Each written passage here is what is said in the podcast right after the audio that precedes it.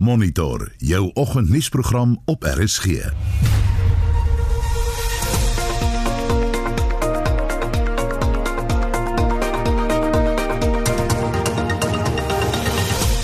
ons program sewe verdagtes verskyn vandag aan die hof in verband met die plundering van die FBS bank. President Cyril Ramaphosa het die nuus verwelkom van 'n middel wat die dodetal van COVID-19 pasiënte met 'n derde kan verminder.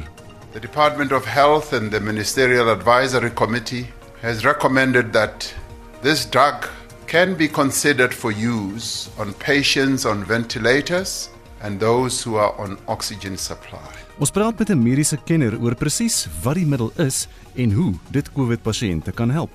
Dit moduleer 'n mens se immuunstelsel. So wat jy nou hier doen, jy gee baie hoë dosisse en omdat dit sinteties is, het dit nou nie al die effekte van dit wat jy by mure afskei nie.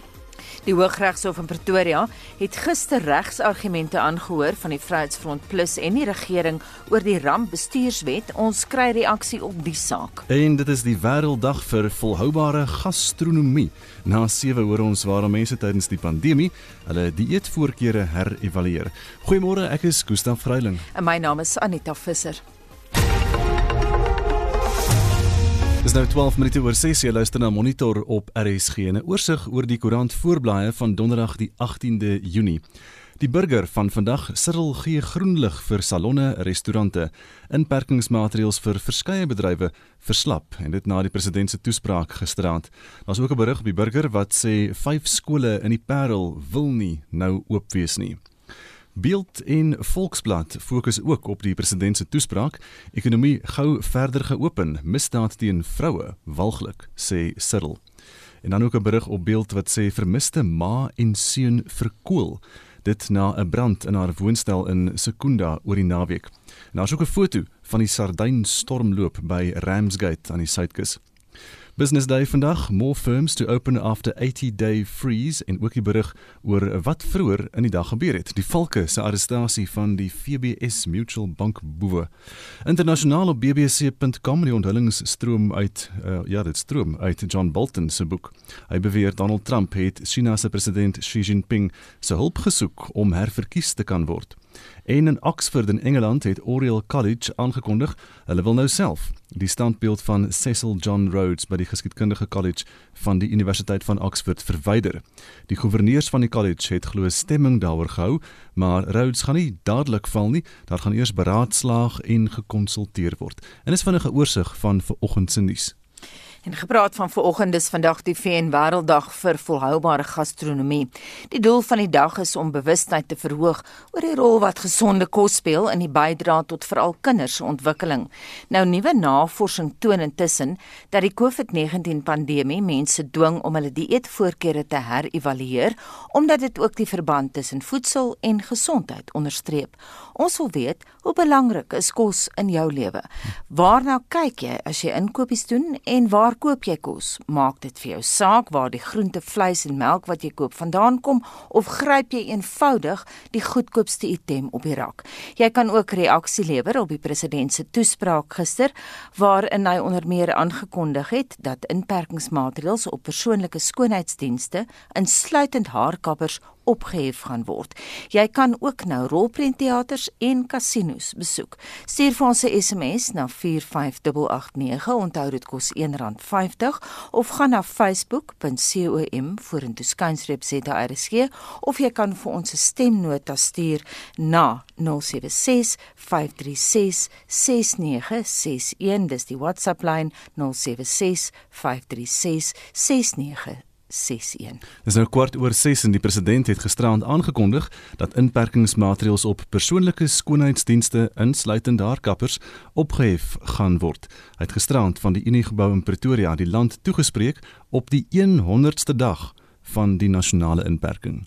Cabinet has decided to ease restrictions on certain other economic activities and these include restaurants for sit-down meals accredited and licensed accommodation, with the exception of home sharing accommodation like Airbnb, conferences and meetings for business purposes, and in line with restrictions on public gatherings. Cinemas and theaters to be aligned to limitations on the gathering of people, casinos, personal care services, including hairdressers and beauty services. In each instance, specific and stringent safety requirements have been agreed by the various representatives of these disciplines and businesses, and those will need to be put in place before a business or an activity or a discipline can reopen. President Ramaphosa het ook die nuus verwelkom van 'n middel wat die dodetal van COVID-19 pasiënte met 'n derde kan verminder. Hy het gereageer op voorlopige studies in Brittanje wat toon dat 'n middel, dexamethasone, wat algemeen beskikbaar is in Suid-Afrika, ontsteking by pasiënte op ventilators kan verminder. The Department of Health and the Ministerial Advisory Committee has recommended that this drug can be considered for use on patients on ventilators and those who are on oxygen supply. We believe that this will improve our management of the disease among those who are most severely affected. Die president het ook die huidige vlag van geweld teen vroue veroordeel en sê dit is betredenswaardig dat 'n oorlog gevoer word teen die kwesbaarste deel van ons samelewing. Hy sê dat wetswysigings opgestel is ten opsigte van minimum vonnisoplegging in gevalle van geslagsgebaseerde geweld en beskerming vir vroue wat slagoffers is van huishoudelike geweld. As a man, as a husband, and as a father to daughters, I am appalled at what is no less than a war that is being waged against the women and the children of our country. These rapists and killers walk amongst us. They are violent men with utterly no regard for the sanctity of human life. In the past few weeks, no fewer than 21 women and children have been murdered. Their killers thought they could silence them. But we will not forget them and we will speak for them where they themselves cannot. Het die verslag deur Ntebo Mokobo in Pretoria en ek is Justin Kennerly vir SI Garnis. Die nasionale direkteur van openbare vervolgings, advokaat Shamila Batoy, het die inhegtenisnemings in verband met die plundering van die FBS bank tussen 2015 en 2018 verwelkom. Die verdagte staan tereg op 47 aanklagte en verskyn vandag in die Palm Ridge Landdroshof. Esre Klerk berig. Die Valke se hoof, luitenant-generaal Godfrey Lebia, sê die ondersoek van byna 2 jaar toon dat die bank 3,7 miljard rand van 20 munisipaliteite ontvang het, waarvan 2,2 miljard rand terugbetaal is. Advokaat Patoy sê die ondersoek duur voort en die eerste stap is om reg te laat geskied aan die slagoffers van die bedrogspoel. We owe it to all the investors of the bank, in particular the elderly men and women of Limpopo and beyond, who lost their hard earned earnings and lifetime savings. We have an obligation to all South Africans in general to deliver justice in this matter, as they have, in many ways, been victimized by this crime. But in particular, it is our duty to the direct victims of corruption in this particular matter. Hooggeplaaste munisipale amptenare en politici is ook aan die bedrogspoel gekoppel. Die valke sê hulle is nie in staat om die identiteit van diegene wat hulle ondersoek bekend te maak nie. Libia sê hulle het meer as 1000 verklaringe gekry en gaan voort met ondersoeke. Hy sê meer inhegtenisnemings kan volg. Whoever benefited, uh, whatever crime has been committed, we will leave no stone unturned. In this investigation alone, more than a thousand statements were obtained. Some of them already point that uh, there is a direction that uh, we need to look at. Whether there will be more arrests in VBS, this is the first leg that uh, we are dealing with. The investigation will guide us. The investigation is not uh, concluded. Advokaat Shamila Batoy vra dat die publiek en slagoffers geduldig moet wees. Sy sê die NVG stel 'n strategie saam om enige vertragingstaktieke teen te staan.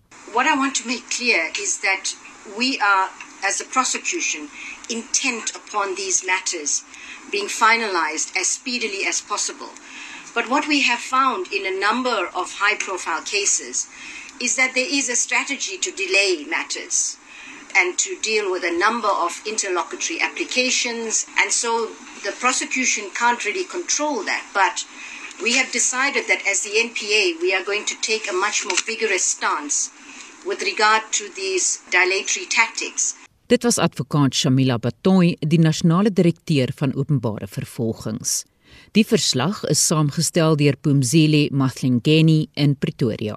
Ek is Estie de Klerk vir SAK nuus. Dis nou 21 minute oor 6 jy luister na Monitor op RSG en die sakeverslag word aangebied deur Leon Ferreira van PSG Wealth Pretoria Oos. Môre Leon.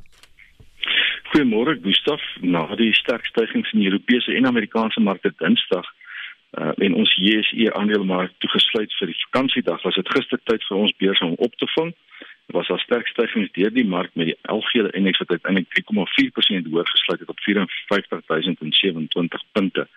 Naspers en Bitcoin was 6% op, MTN 6% en Mondi en Prosus is 5% hoër en Standard Bank en Woolies uh, was 4% hoër. Aspen was 9% op na bekendmaking dat hulle die regte hou en die plaaslike vervaardiger is van dexamethasone wat beskryf word as 'n deurbraakmiddel in die behandeling van COVID pasiënte. Selfs Discovery het 4% hoër gesluit na 'n verklaring dat hulle wesensverdienste per aandeel tussen 70 tot 90% laer gaan wees. Neswat was ook verbaas en 7% hoër ten spyte van die feit dat hulle halfjaar verkiesing, ag halfjaar uh, winste met 50% uh, gaan nog verder gaan daal. Die verliese, ekskuus tog, die verliese met 50% gaan daal. Europese markte het ook uh, in die groen gesluit met goeie vertonings by die meer defensiewe aandele, met die farmaseutiese maatskappye Roche en Novo Nordisk beide meer as 2% op, en die wêreld se grootste kosvervaardiger Nestlé wat 3% op was en Unilever 2% op. In Amerika was markte meer bedees, ehm um, corona kosprisasies in Texas wat met 11% gestyg het in 'n dag. Die Dow het 0,6% laer gesluit op 26119 punte, die Nasdaq was 0,2% hoër op 9910 punte en die S&P 500 was 0,4% laer op 3113 punte. Die termynkontrakte wys ook op 'n swakker uh, opening vanaand. 'n Berig wat 'n groot impak op die presidentsiële verkiesing in November kan hê, skryf die New York Times dat John Bolton, president Trump se vorige nasionale veiligheidsadviseur, in sy nuwe boek sê dat Trump in die vir die Chinese leier Xi Jinping vir hulp gevra het om die 2020 verkiesing te wen en dat dwarsboming van die gereg Trump se leefstyl was deur persoonlike gunste te gee aan diktators wat hy van gehou het. Bolton beskryf Trump as verstommend, oningelig en onvoorspelbaar en sê verder meer dat hy nie kan dink aan enige besluit van Trump wat nie gedryf is deur herverkiesingsoorwegings nie en dat Trump wapens aan die Oekraïne teruggehou het terwyl hy aangedring het dat Joe Biden ondersoek word. In die ooste vanoggend is markte meerendeels in die rooi op bekommernis oor 'n nuwe vlaag COVID-19 gevalle. Die Nikkei is 0,3% laer, Hang Seng is 0,2% af en Australië is 0,6% laer met die werkloosheidssyfer daar wat tot 7% gestyg het. Goud verhandel vanoggend op 1734 dollar, platinum op 828, palladium is 1944 dollar en Brent olie op 40 dollar 42 sent. Die rand verhandel op R17.21 teenoor die dollar, R21.61 teenoor die pond en ten slotte R19.36 teenoor die euro. Baie dankie Gustaf is al van my kant af. En dit was dan die sakeverslag aangebied deur Leon Ferreira van PSG Wealth Pretoria Oos. Na wie draai jy in tye van onstuimige markte? Tesame met 'n wêreldpandemie as jou betroubare finansiële raadgewer. Die spanadviseurs by PSG Wealth Pretoria Oos het die nodige kennis en ervaring om jou te adviseer rakende persoonlike aandeleportefeuilles, aftreebeplanning en beleggings. Besoek psg.co.za vorentoe streepie Pretoria Oos vir meer inligting en kontakbesonderhede. PSG Wealth Finansiële Beplanning is 'n goedgekeurde finansiële diensverskaffer. Die Hooggeregshof in Pretoria het gister regsargumente aangehoor van die Vryheidsfront Plus en die regering oor die rampbestuurswet. Die Vryheidsfront Plus het 'n dringende aansoek ingedien dat die hof die wet as ongrondwetlik moet verklaar. Die adjunk regter-president Aubrey Ledwaba het besluit dat die saak voor 'n volbank regters moet dien. En ons praat nou met die leier van die Vryheidsfront Plus, Dr Pieter Groenewald oor die saak. Môre Pieter. Goeiemôre Anita. Jou reaksie op die besluit dat dit 'n volbank regters moet wees wat die saak moet aanhoor. Wel, dit is positief in die sin dat hulle beskou dit as 'n baie belangrike saak as hulle deur ons stukke gegaan het en dit beteken dat die adjunk uh, regte president dan besluit het dat dit nie net by 'n enkele regter moet wees nie maar soos jy reg gesê het by 'n volbank so dit is ook 'n positiewe teken en dit lyk vir my asof hulle voel dat omdat dit oor grondwetlikheid onder andere gaan dat dit dan wel belangrik is dat ons 'n volbank regter het Pieter net agtergrond vir luisteraars wat die storie gemis het. Hoekom het julle die aansoek ingedien? Wel in die eerste plek het ons dit aangebied of ingedien om te sê dat as ons gaan kyk na die regulasies wat uitgevaardig word en nog steeds uitgevaardig word gedurende hierdie Grendel tydperk, dan is baie van daardie regulasies glad nie rasioneel nie. En het ons ook gesê dat ons moet dit vergelyk met 'n situasie wat die grondwet van Suid-Afrika voorsiening maak byvoorbeeld vir 'n noodtoestand. En is die vraag is ons nie werklik in praktyk in 'n noodtoestand nie? En as ons daarna gaan kyk, dan sê ons dan is daar 'n gebrek aan parlementêre oorsig oor die uitvoerende gesag in hierdie spesifieke geval dan minister uh, Dlamini Zuma wat die verantwoordelike minister is en hulle het ook geen verantwoordbaarheid teenoor die parlement nie. En dit is basies die kern van ons aansoek en daarom sê ons omdat daar nie oorsig is nie is dit eintlik ongrondwettig. Ons moet vir mekaar sê ons is in 'n grondwetlike demokrasie en is hierdie uitvaardiging van hierdie regulasies is dan ongrondwettig. Pieter net laastens hoe beïnvloed die president se toespraak gister julle planne nou vorentoe? Nie werklik baie nie, want ek sê weer eens die sterk argument wat ons voer gaan hierso oor verantwoordbaarheid. Om maar net 'n voorbeeld te gee vir ons luisteraars, as ons kyk byvoorbeeld na die wet op noodtoestand, dan sê dit die president kan slegs vir 21 dae 'n noodtoestand uitvaardig. Daarna moet hy toestemming kry van die parlement om dit te verleng. En wat baie belangrik is, dat die nasionale wetgewing in terme van 'n noodtoestand bepaal dat alle regulasies deur die parlement goedgekeur moet word. En dit bly ons argument. Ons sit nou met die situasie dat die rampbestuurswet bepaal dat dit gaan afgekondig word vir 'n tydperk van 3 maande en daarna kan die betrokke minister dit op 'n maand tot maand basis verleng. Maar dit sê nie vir hoeveel agtereenvolgende kere dit verleng kan word nie. So daardie argument bly steeds deel van ons regsargumente. Baie dankie en so sê die leier van die Vryheidsfront Plus, Dr Pieter Groenewald. Jy luister na Monitor elke weekoggend tussen 6 en 8. Dis half 7 en in die nuus twee onderwyskundiges sê skole moet vir alle grade heropen word. Ons hoor by hulle waarom hulle so sê. 'n Span wetenskaplikes het bevind dat die middel dexamethasone kan help in die stryd teen COVID-19. Ek het met my kollegas gister gepraat. Ons het almal gister ingery hospitale toe en ons pasiënte wat op suurstof en ventilators is, begin op dexamethasone. Wel almal bedoel ek met die wat ek nie gepraat het het die apteker gebel en ja, hulle het my verseker hulle het genoeg voorraad en dit is iets wat hulle gereeld in die hospitale gebruik en hulle sal sorg dat daar genoeg voorraad is. En ons kry reaksie op die president se toespraak gister, bly ingeskakel. Ons praat redelik wyd vanoggend oor wat die president gister gesê het, wins en dan praat ons ook oor wêreldgastronomie dag. Yes Anita en ehm um, baie van ons luisteraars ehm um, het maar hulle opinies gelewer oor beide, maar kom ons begin met Amanda Ferrara wat sê ek wens mense kan besef kos kom van boere af. Hou asseblief op om boere te vermoor sê sy. Sy sê daar is meer mense op plase vermoor as vroue in stede. Eendag gaan kos skaars word en dan is jou dieetlewe en doodsake en nie wat is lekker of gesond nie. Ek ondersteun graag plaaslik eers die boere in die omgewing, dan die provinsie en dan nasionaal. Ek koop nie sommer ingevoerde items sê sê Amanda nie. Dan sê Ann Killian, ek koop vars groente en my vleis by die slaghuis. Hou nie van sogenaamde brandprodukte nie. Margarine koop ek nie meer nie want dit is sleg en waterig, slegs botter.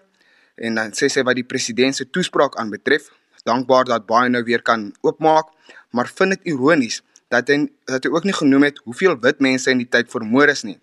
Boonop in my opinie het moorde verdubbel sedert die regering drank losgemaak het en hy dan sê sy sy praatjie oor drankmisbruikers se rehabilitasie is twak.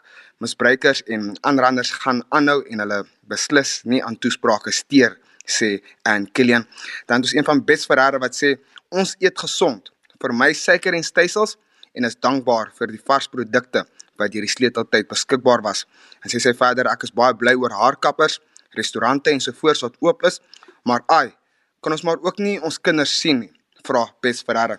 En so wil ons ook by ons luisteraar ons luisteraars hoor vanoggend hoe belangrik is kos in jou lewe. Ek weet dit is verskriklik belangrik en ehm um, waarna kyk jy as jy inkopies doen en waar koop jy jou kos en dan kan jy ook verder 'n um, reaksie lewer oor die president se aankondiging gisteraand dat die inperkingsmaatreëls op persoonlike skoonheidsdienste insluitend haarkappers opgehef gaan word en jy kan ook nou gelukkig rolprentteaters en kasinos besoek.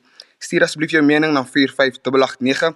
'n SMS kos R1.50 of jy jy kan ook op Facebook gesels. Daar vind jy ons by facebook.com vorentoe skynstreep ZARSG. Dis nou 27 minute voor 7 net vinnig vir in die verkeer. Daar's 'n botsing op die N1 noordwaarts by Ellendale weg en die uh, baan is versper daar in daardie omgewing. Ook 'n voertuig wat staan op die N3 noord na London. Nou verskeie verslappingsmaatreëls in verskillende dele van die ekonomie is gisterand deur president Cyril Ramaphosa aangekondig. Hy het gesê die besluit is geneem na deeglike oorweging en raad uit verskeie oorde. Die sektore wat nou sal heropen het voor die staat van inperking werk aan 'n half miljoen mense voorsien. Dit sluit in dat etes en restaurante, eh, bioskope, teaters, kasinos kan heropen met 'n beperkte aantal mense in hierdie geboue. Haar en skoonheidssalonne, gelisensieerde gastehuise en hotelle kan ook heropen en nie kontaksport soos tennis, golf en cricket kan weer beoefen word. Datums vir die aanvang hiervan sal later bekend gemaak word. Ons praat nou hieroor met die politieke wetenskaplike aan Noordwes Universiteit Dr Piet Kroukamp. Môre Piet. Goeiemôre Anita. Wat beteken hierdie heropening vir die ekonomie? Want dit beteken vir die ekonomie baie in die sin van dat uh, daar nog honderde duisende mense is wat uh, wat nie kan werk nie, maar wat nou sal kan terug gaan werk, maar meer belangrik is dele van sê net maar die die gasvryheidsekonomie wat oopmaak. Maar ek moet ek vir jou sê ons moet nog wag vir die soos gesê die devil is in the details, moet wag vir die van die ministers die die spesifikasies hier rondom moet afkondig. Want as jy nou dink aan die verstommende idee dat mense nou kan gaan fliek en uh, ons weet dat uh, daar's niks so die virus so versprei wanneer uh ek sê vir dit mense in 'n relatiewe klein spasie naby mekaar sit en asemhaal nie.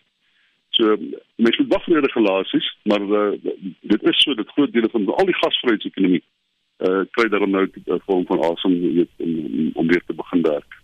Nou Piet, die heropening van haarsalonne en skoonheidssalonne kom uh, kort voor die bedryf die regering hof toe sou sleep nadat vele samesprekings gefaal het, politieke partye was ook betrokke. Is hierdie tydsberekening toevallig of dink jy hy het lank hieroor gedink? Nee, wat ek ek ek ek dink daar's daar's daar's verskillende goed. Die een is die die ek dink die regering probeer om in 'n mate net voor litigasie te bly. Hulle wil nie werklik in die howe uh weet na die howe gesleep word vir goed wat hulle dink wat hulle afval die saak gaan verloor nie. En daar is 'n besendige kans dat hulle so 'n saak kan verloor. Die ander ding is dit raak in elk geval al hoe moeiliker soos wat die ekonomie in ander fasette oopgemaak word, word dit al hoe moeiliker om die kleiner industrie te beheer om vir mense te sê mag jy dit nie en jy mag jy dit. Die groter prentjie maak ook, maar jy mag op 'n manier op op die mikrovlak probeer ek jou verder bestuur. Dit raak net daar's onmoontlik. En ek dink die regering begin ek besef gisteraan die, die die kern van die toespraak was ek skuif die verantwoordelikheid terug na die samelewing toe. Julle moet self nou verantwoordelikheid neem vir die bestuur van die virus. En dit is baie duurder wanneer die staat probeer om social distancing te bestuur. Wanneer die samelewing self self verantwoordelik dan kom die politieke en ekonomiese en finansiële koste daarvoor natuurlik baie af. En die ander ding is ek dink ook dat ons is nou by die besef dat ons vermoë om die die virus te bestuur is is is, is nou uitgehardloop. Ons kan nie meer die ding beperk nie. Gaan ons aanvaar hy gaan sy natuurlike verloop neem. Uh ek sou veel dit mense 5-6% van Suid-Afrikaners gaan dit hê in die einde van die jaar, miskien selfs meer, 7-8%. En ons kan dit nie werklik meer bestuur nie.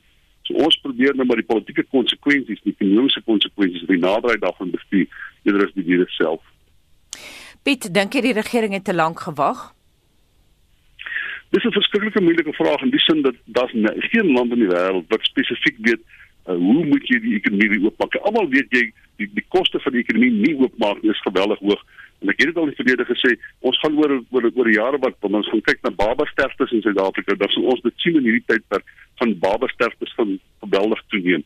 So daar is 'n klomp mense wat doodgaan juis oor die wyse waarop ons die virus bestuur wat ons probeer verhoed dat die virus mense doodmaak. En jy moet daai balans kry van uh of uh, die, die medisyne meer mense doodmaak as wat die virus self in dieselfde tydperk met jou op 'n of ander manier uh, uh die ekonomie 'n vorm van lewe gee om dit vir mense toe te moontlik te maak om hulle eie lewens as dit ware te red. Dit daar is nie 'n blouwerk wêreldwyd vir hoe om dit te doen maar die feit bestaan is ons doen dit dalk effe anderster as baie ander lande in die wêreld. Ons is een van min lande wat terwyl die virus die kurwe van die virus as dit ware eksponensieel opgaan probeer ons die ekonomie oopmaak. Normaalweg en dis wat die Wêreldgesondheidsorganisasie ook sê, jy moet wag tot jy die eksponensiële uh, piek van van die virus bereik en wanneer hy begin afgaan, dan maak jy stelselmatig jou ekonomie oop en dit dit, dit maak dit is logies en dit maak sin. Ons doen strydig met die met daai met daai model wat die wêreldgesondheidsorganisasie voorstel. Die eenvoudige rede is ons bereik die punt dat meer mense doodgaan aan die medisyne as wat doodgaan van die virus. Nou president Ramaphosa het groot klem daarop gelê dat geweldsmisdade soos moord en verkrachting skerp toegeneem het. Uh, die oomblik toe drankverkope op vlak 3 nou weer gewettig is en hy sê dis dalk een van die lesse wat ons uit hierdie COVID-19 storie moet leer. Want ek is verbaas dat die president dit met sy les wat ons moet leer. Ons weet dit al baie baie lank dat dat die uh, die word al vir jare gesê dat 75% van alle moorde in Suid-Afrika is drank by betrokke. Uh, en ons weet ook dat geslagsgeweld het ook 70% 75% van drank is betrokke by geslagsgeweld. En ons weet so die Grendelstaat uh, weet uh, ingeforseer het. Toe was daar in die eerste week al was daar 'n eksponensiële groei in kurwe uh wat wat wat dalk verwy dat geslagsgeweld het geweldig toegeneem soos wat mense in klein spasies geplaas is. En toe ek die drank maak, toe bevestig het net weer 'n keer dat daardie kurwe nog steeds aan die opgaan is. So ja, hierdie virus het waarskynlik bepaalde tendense, sosiologiese tendense in in in die samelewing het dit geaksentueer. Maar dis nie asof ons dit nie geweet het nie. Ons het geweet ons het 'n geslagsgeweld probleem. Ons het geweet ons het 'n drankprobleem. Ons het geweet daai drankprobleem kom spesifiek voor onder uh, of die naderheid daarvan die konsekwensies daarvan kom in arm gemeenskappe voor terwyl almal natuurlik te veel drink maar die die die, die sosiologiese probleem verval daarvan kom in arm gemeenskappe meer voor as in ryker gemeenskappe ja. Piet net laastens sê jy het nou gesê ons hantering is strydig met die norm wêreldwyd ek onthou heel aan die begin het ek onderhoude gevoer met jou en met Roland en met Dirk oor die hantering van die president en sy eerste toespraak en so en jy was baie beïndruk ons het dit nog vergelyk met Boris Johnson se hantering en hoe staatsmanagtig hy was en so Hoe sou jy daardie tyd vergelyk met wat nou gebeur? Dit is dit was altyd makliker geweest om die staat toe te maak as wat dit sou wees om oop te maak. En Boris Johnson hulle se werklike probleem het ontstaan omdat hulle nie die staat toegemaak het nie. Baie van die probleme wat in die FSA en in Brittanje voorkom het was juis omdat die regering nie alleen traag was nie, maar omdat die leiers, met ander woorde Johnson sowel as Trump, 'n argument gevoer het dat hierdie is net 'n verkoue. Dit maak nie saak nie, ons hoef nie drastiese aksie te neem nie. En dit het geweldige konsekwensies gehad vir die gesondheidstelsel in, in, in sekere dele van van daai lande. Ons het natuurlik daai daai aksie het president Ramaphosa geweldig goed gedoen. Hy het presies in terme van die internasionale maatreëls gedoen.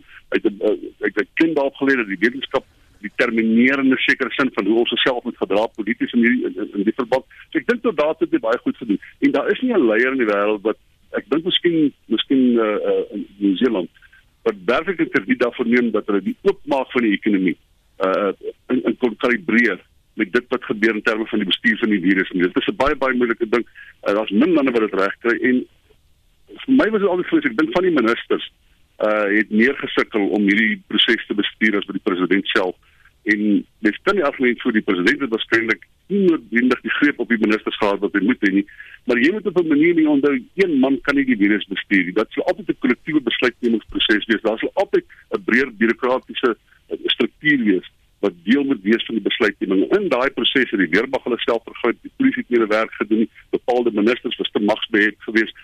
Maar dis ek dink op die ou en kan nie sê as ons ons ons het ons het redelik goed uit die ding uitgekom in die sin dat die burgerlike samelewing het begin om hulle werk te doen, dat die, die staat na die howe toegeneem en vir my is dit heel belangrik dat dink die regstelsel het reageer en die politici reageer weer in terme van dit wat die regstelsel determineer. So eintlik 'n demokrasie rede goed oorleef in die hele proses.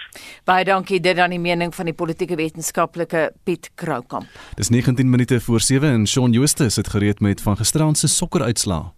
In die eerste Engelse Premier Liga wedstryde sedert Maart het Manchester City vir Arsenal met 3-0 geklop en Aston Villa en Sheffield United se wedstryd kon geen doele oplewer nie. Die tellings in die Duitse Bundesliga was Bayer Leverkusen 3, FC Köln 1, Borussia Dortmund 0, Mainz 2 en RB Leipzig 2, Düsseldorf ook 2. In die Spaanse La Liga is Osasuna met 5-0 teen Atletico Madrid afgeronsel en Eibar en Athletic Bilbao het 2 elk gelyk op gespeel. Vanaand half 8 kom Alaves teen Real Sociedad en 10uur Real Madrid teen Valencia te staan. En Napoli is as Italiaanse bekerkampioene gekroon na 'n oorwinning van 4-2 na uitskietdoele oor Juventus. Golf. Die RBC Heritage Toernooi slaan vanmiddag in Hilton Head in Suid-Carolina af en word ook agter geslote deure gespeel. Die Suid-Afrikaners wat gaan deelneem is Louis Oosthuizen, Erik van Rooyen, Christian Besaidnout, Brandon Grace, Dylan Fratelli, Sean Swartsel en Ernie Els. Die wêreld se top 3, Rory McIlroy van Noord-Ierland, die Spanjaard Gonram en die Amerikaner Justin Thomas sal ook in aksie wees. Taiwan se Cheng Chung-pan was die wenner in 2019. Cricketnuus. Cricket Suid-Afrika het drie spanne en hul kapteins vir die Solidariteit beker op 27 Junie by Supersport Park in Centurion bekend gemaak.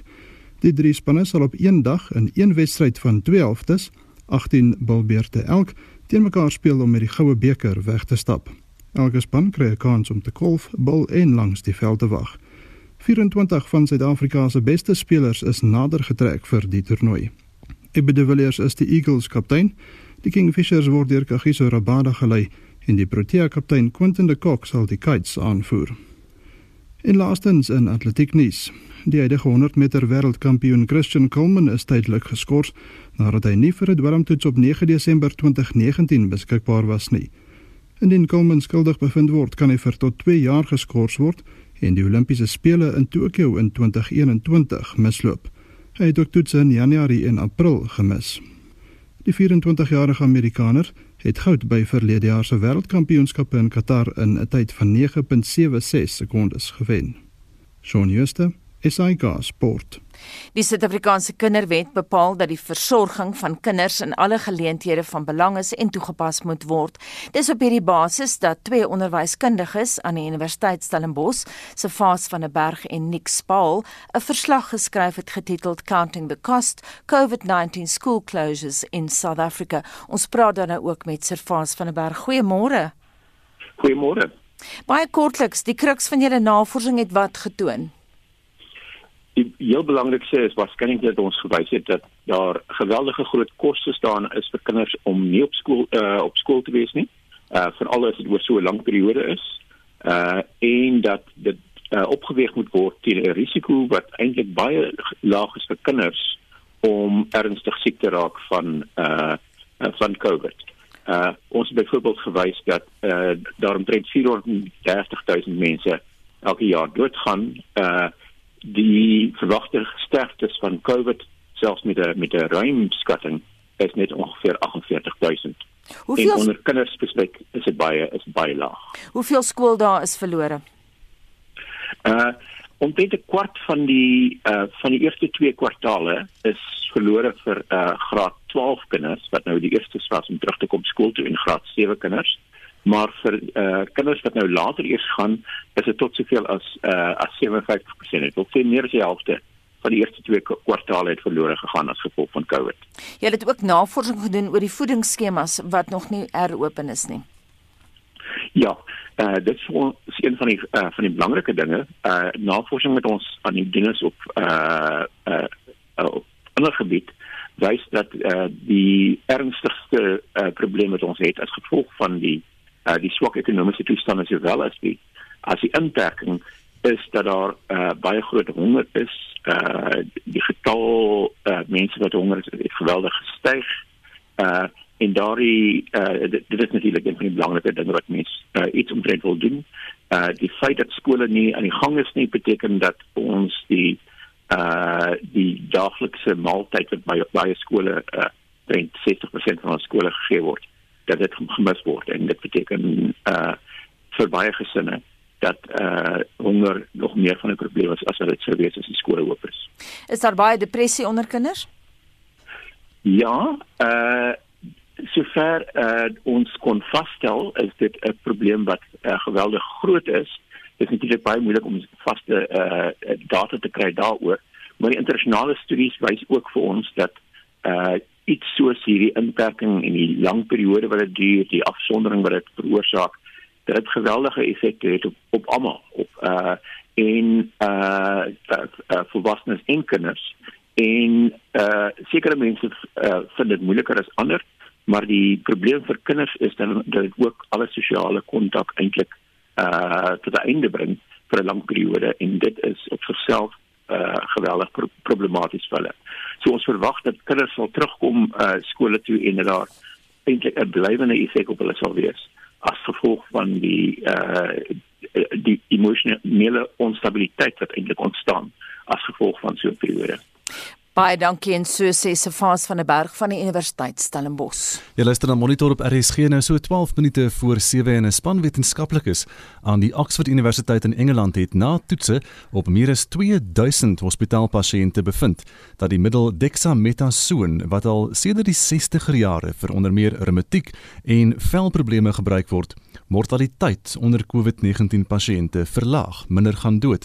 Dr. Klute van Vuren, 'n infeksie siekte spesialis by 3 Militêre Hospitaal in Bloemfontein, het gister aan Monitor gesê daar is in Suid-Afrikaanse mediese kringe groot opgewondenheid oor die middel. Verseker, ek het net graag gehoor die departement van gesondheid het in hulle riglyne dit ingesluit as 'n behandeling. En uh, ek het met my kollegas gister gepraat. Ons het almal gister ingery hospitale toe en ons pasiënte wat op suurstof en ventilators is, begin op dexamethasone. Wel almal bedoel ek met die wat ek mee gepraat het. Ek het die apteker gebel en ja, hulle het my verseker hulle het genoeg voorraad en dit is iets wat hulle gereeld in die hospitale gebruik en hulle sal sorg dat daar genoeg voorraad is. Ek het al my kollegas gebel en gesê hier is die nuwe riglyne in die departement van gesondheid se behandelingsprotokol wat ons besluit het ons gaan volg en as gevolg daarvan begin ons dit doen. Ons moet die pasiënte die voordeel van dit gee. Hierdie het ons nou vir die eerste keer iets wat dokters kan gebruik, nee, want almal soek iets om vir COVID-19 te gebruik en dan probeer mense allerhande goed. En het ons nou 'n uh, navorsingsprotokol wat voor die tyd eties goedgekeur is Dit is gepubliseer, almal het gesien wat hulle gaan doen en hulle het 'n wye verskeidenheid van behandelings mense geallokeer aan en nou gesien dat die groep wat dexamethasone gekry het, het daar 'n uh, ten minste 20% beter oorlewing en uitkoms gekry. Die groep wat op dexamethasone was teenoor die wat enigiets anders of net die standaard behandeling gekry het. En ek dink die beginsel hierso is Ons het die bewyse, almal kan dit sien. Dit moet nog gepubliseer word sodat mense kan kritiek lewer daarop. Maar die ouens het al van hulle vorige resultate gepubliseer wat gewys het dat klorokin byvoorbeeld glad nie werk. Mm. So almal is bewus van hierdie ding van hulle en het al gekyk na dit en is gemaklik met die manier waarop hulle dit gedoen het. En dis mense wat ons voel ons kan waarskynlik hulle resultate verkry. Die tyd sal nog moet leer, maar dit is baie goeie data. Ek sien nou Kloete die hoofnavorser van die groep by Oxford, professor Peter Horby, sê dit is 'n major breakthrough. Dink jy dis te dramaties gestel? In medisyne moet jy nooit oortreffende trappe gebruik nie. Daar's altyd 'n bietjie ehm um, goed dat na die tyd bykom maar die geding moduleer. Ek dink die punt wat hulle wou maak is hier vir die eerste keer iets wat bewys is om 'n verskil te maak. En ek dink as mense nou dink aan major breakthrough, dan dink mense dit gaan almal se lewens. Dit het 'n 20% beter uitkoms gemaak. So dit beteken as 40% van jou pasiënte nou maak dit myself moeiliker om uit 50% van jou pasiënte wat jy op 'n ventilator sit doodgaan, dan gaan jy nou net 40% beter, so 10% meer oorleef. Maar dit is beduidend. Dit is nie sommer toevallig dat baie bietjie beter doen nie, want hulle het dit verskeie hospitale gedoen met verskillende spanne wat betrokke is. So maak nie saak wat hulle doen nie, as hulle hierdie middel bygee, is daar 'n beter uitkoms. En soos wat jy sê op 'n praktiese vlak, hoef dan nie nog protokolle getoets te word nie, want hierdie middel, dexamethasone, is al reeds sedert die 60er jare aan ons bekend en dit word blykbaar gebruik om artritis te behandel en asma. Ja, kyk, dit val in hierdie groep van kortikosteroïde of steroïde. Kyk, steroïde, dit kortikosteroïde is mos nou maar 'n hormoon wat jou bymure afskei, veral as jy onder spanning en stres is. En dit moduleer 'n mens se immuunstelsel. So, wat mense nou hier doen, jy gee baie hoër dosisse en omdat dit sinteties is, het dit nou nie al die effekte van dit wat jy bymure afskei nie. Maar op die ou end het dit 'n geweldige uh, aantal effekte op jou liggaam. Die suiker kan opgaan, onderdruk die immuunstelsel bietjie, dit het seker anti-inflammatoriese effekte soos jy net sê, dis kom jy sê vir asma en artritis gebruik. Dit laat sekere van jou wit selle, die limfosiete, maak dit eintlik dood. Dit is hoekom hematoloog dit in sekere kankers gebruik. Dit het 'n klomp effekte en daarom is dit iets wat 'n mens ook nie sommer net gebruik en dit het geen effekte nie. En dis hoekom 'n dokter moet bewus wees van hoe dit werk en die neeweffekte kan hanteer van die ding. Maar in die groot geheel, ten spyte van neeweffekte, gee dit 'n baie beter uitkoms. En dis hoekom mense dan in 'n siekte gebruik waar mense gaan doodgaan. Die plan hierso is om nie vir een en elkeen te gee nie. Hulle het baie duidelik gesê dat dit mense is wat reeds suurstof benodig het in wand. Die wat nie suurstof benodig het, geen verskil in uitkoms gehad op hierdie middel. So dit is mense wat in die hospitaal is wat dit aangedui is. Ons het almal gisteraan die goed gesien, ons het die data deurgekyk en mens sal ook baie graag wil sien hulle verdere data want wat mense nou moet doen is om te kyk aan al die ander bloedtoetse en goed wat beskikbaar is op hierdie pasiënte. Kan jy voorspel wie sal regtig baat daarbey? En dan kan jy die pasiënte beter uitsoek. Maar uh, ek het met 'n hele paar van die ander kollegas gepraat en almal het gespraak of vanoggend vroeg ingery hospitaal en hulle pasiënte begin op dexamethasone wie wat kwalifiseer daarvoor. Ons wil graag iets vir die pasiënte doen en het ons nou vir die eerste keer iets wat bewys is om te werk. Jy sal ook onthou aan die begin het ons gesê uit vorige ervaring met griep byvoorbeeld doen hierdie tipe medikasie skade. En dit bring my nou weer terug by die punt is. Mense het baie idees en mens moet dit wetenskaplik gaan toets voor jy goed sommer implementeer. En goed wat ons gedink het glad nie sal werk nie, is 'n bewys om te werk. En so is daar baie goed wat mense gedink het kan werk, wat bewys is om eenvoudig skadelik te wees. Ons as dokters se werk om te kyk wie pas by watter protokol in en as mens dan 'n protokol implementeer, dan moet mens die neeweffekte en die komplikasies hanteer en dit is wat van jou 'n goeie dokter maak, nie jou eie resepte wat jy self uitdink. Kom ons praat 'n bietjie oor hierdie mediese protokolle. Gestel nou ons het glad nie hierdie middel geken nie. Dexamethasone was glad nie aan ons bekend nie. Hoe werk so 'n mediese protokol? Deur watter stappe moet jy gaan? Moet jy publiseer? Wanneer moet jy publiseer? Hoe lank vat dit van die oorspronklike idee tot by die produk by die apteker? Ek dink jy het nou gesien met Remdesivir, is nie die middel wat hulle vir Ebola ontwikkel het. Maar Remdesivir is lank terug ons met die SARS virus het hulle begin om dit te ontwikkel. Dit is getoets in dieremodelle teen gesonde mense en daarna het hulle dit begin gebruik in pasiënte wat Ebola het. Dit gelyk het of moontlik effekte kan hê. So daar's 'n klomp data reeds beskikbaar op dit en ons weet van die neeweffekte en nou word dit in die COVID pasiënte in 'n protokol gebruik waarmee kan sien om 'n nuwe middel te ontwikkel en te ontwikkel kan tot 10 jaar of langer vat met die COVID-19 gaan alles natuurlik nou baie vinniger, né? Maar as jy iets soos dexamethasone sê, dit is 'n geregistreerde middel. Dis nie 'n ding wat iewers in 'n laboratorium lê en wat mense nou wil gebruik op mense en weet nie wat se skadelike effekte gaan hê nie.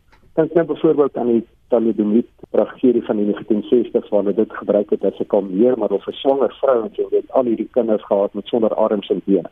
En hierdie hele ding kom eintlik van daar af. Jy moet middels veilig maak. Dit help nie gebruik iets wat almal dink is veilig en later aan kom jy agter hier is regtig tragedies aan die afspring. Dit sal net so 'n middel ons ken dit en ons gebruik dit. Al wat nou bykom is ons weet in hierdie siektes toestand moduleer dit die respons van jou liggaam op die infeksie tot so 'n mate dat die uitkoms beter is. En hulle studie het dit baie duidelik gewys dat die pasiënte wat nie in die hospitaal beland wat nie suurstof nodig het en geen baat hierby gevind het. Die enigste wat baat gevind het is waar hulle ekstra suurstof benodig het of op 'n asemhalingsmasjien geplaas is. Dis die pasiënte wat gebaat het hierby. Daar is waarskynlik baie ander biochemiese abnormaliteite wat mens nou kan gaan deursoek om te kyk of jy beter kan voorspel wie baat daarby. Maar dit is die mense wat dit moet kry. Die wat bewys is om te baat. Ek sien ook Kloete die Oxford groep sê dat indien die middel gebruik is van meet af aan om pasiënte te behandel, sou hulle 5000 lewens gered het. Die media speel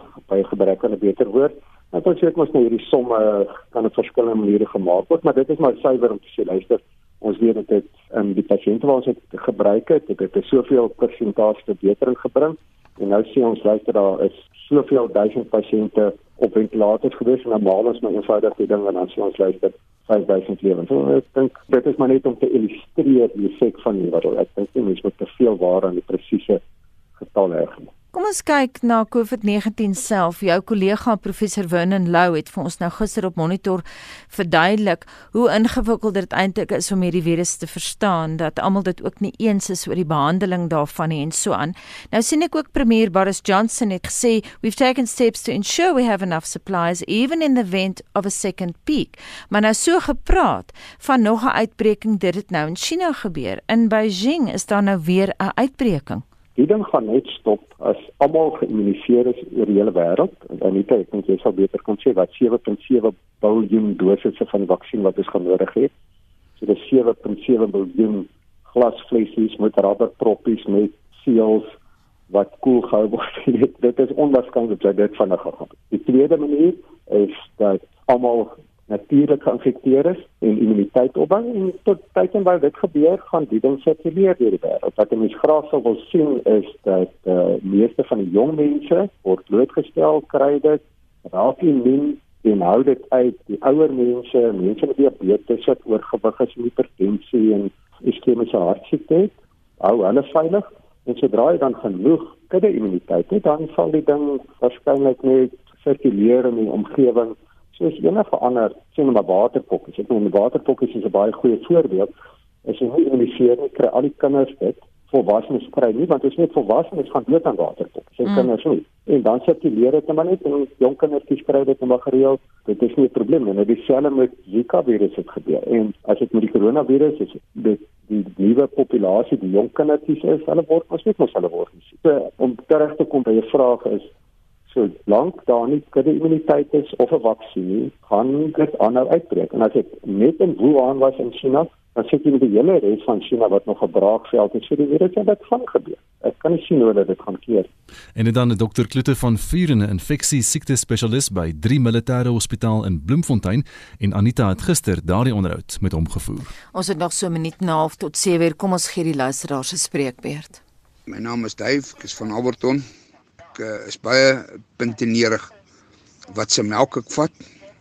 Help my sê volroom. Help nie hy sê spinasie. Hy moet 'n namebrand wees. Ek is jammer. Ek het swaar groot geword, maar ek ek bly opgevoed. Môre is Andre net my comments as hulle sê wil lewer oor die president se gesprek gisterand. Ek is baie dankbaar vir al die haarkappers restaurante en so meer wat nou weer kan besigheid doen. Die mense het baie swaar getrek. En dan ja, vir ons arme ou rokers, ons trek nog steeds aan jou swaarste kant.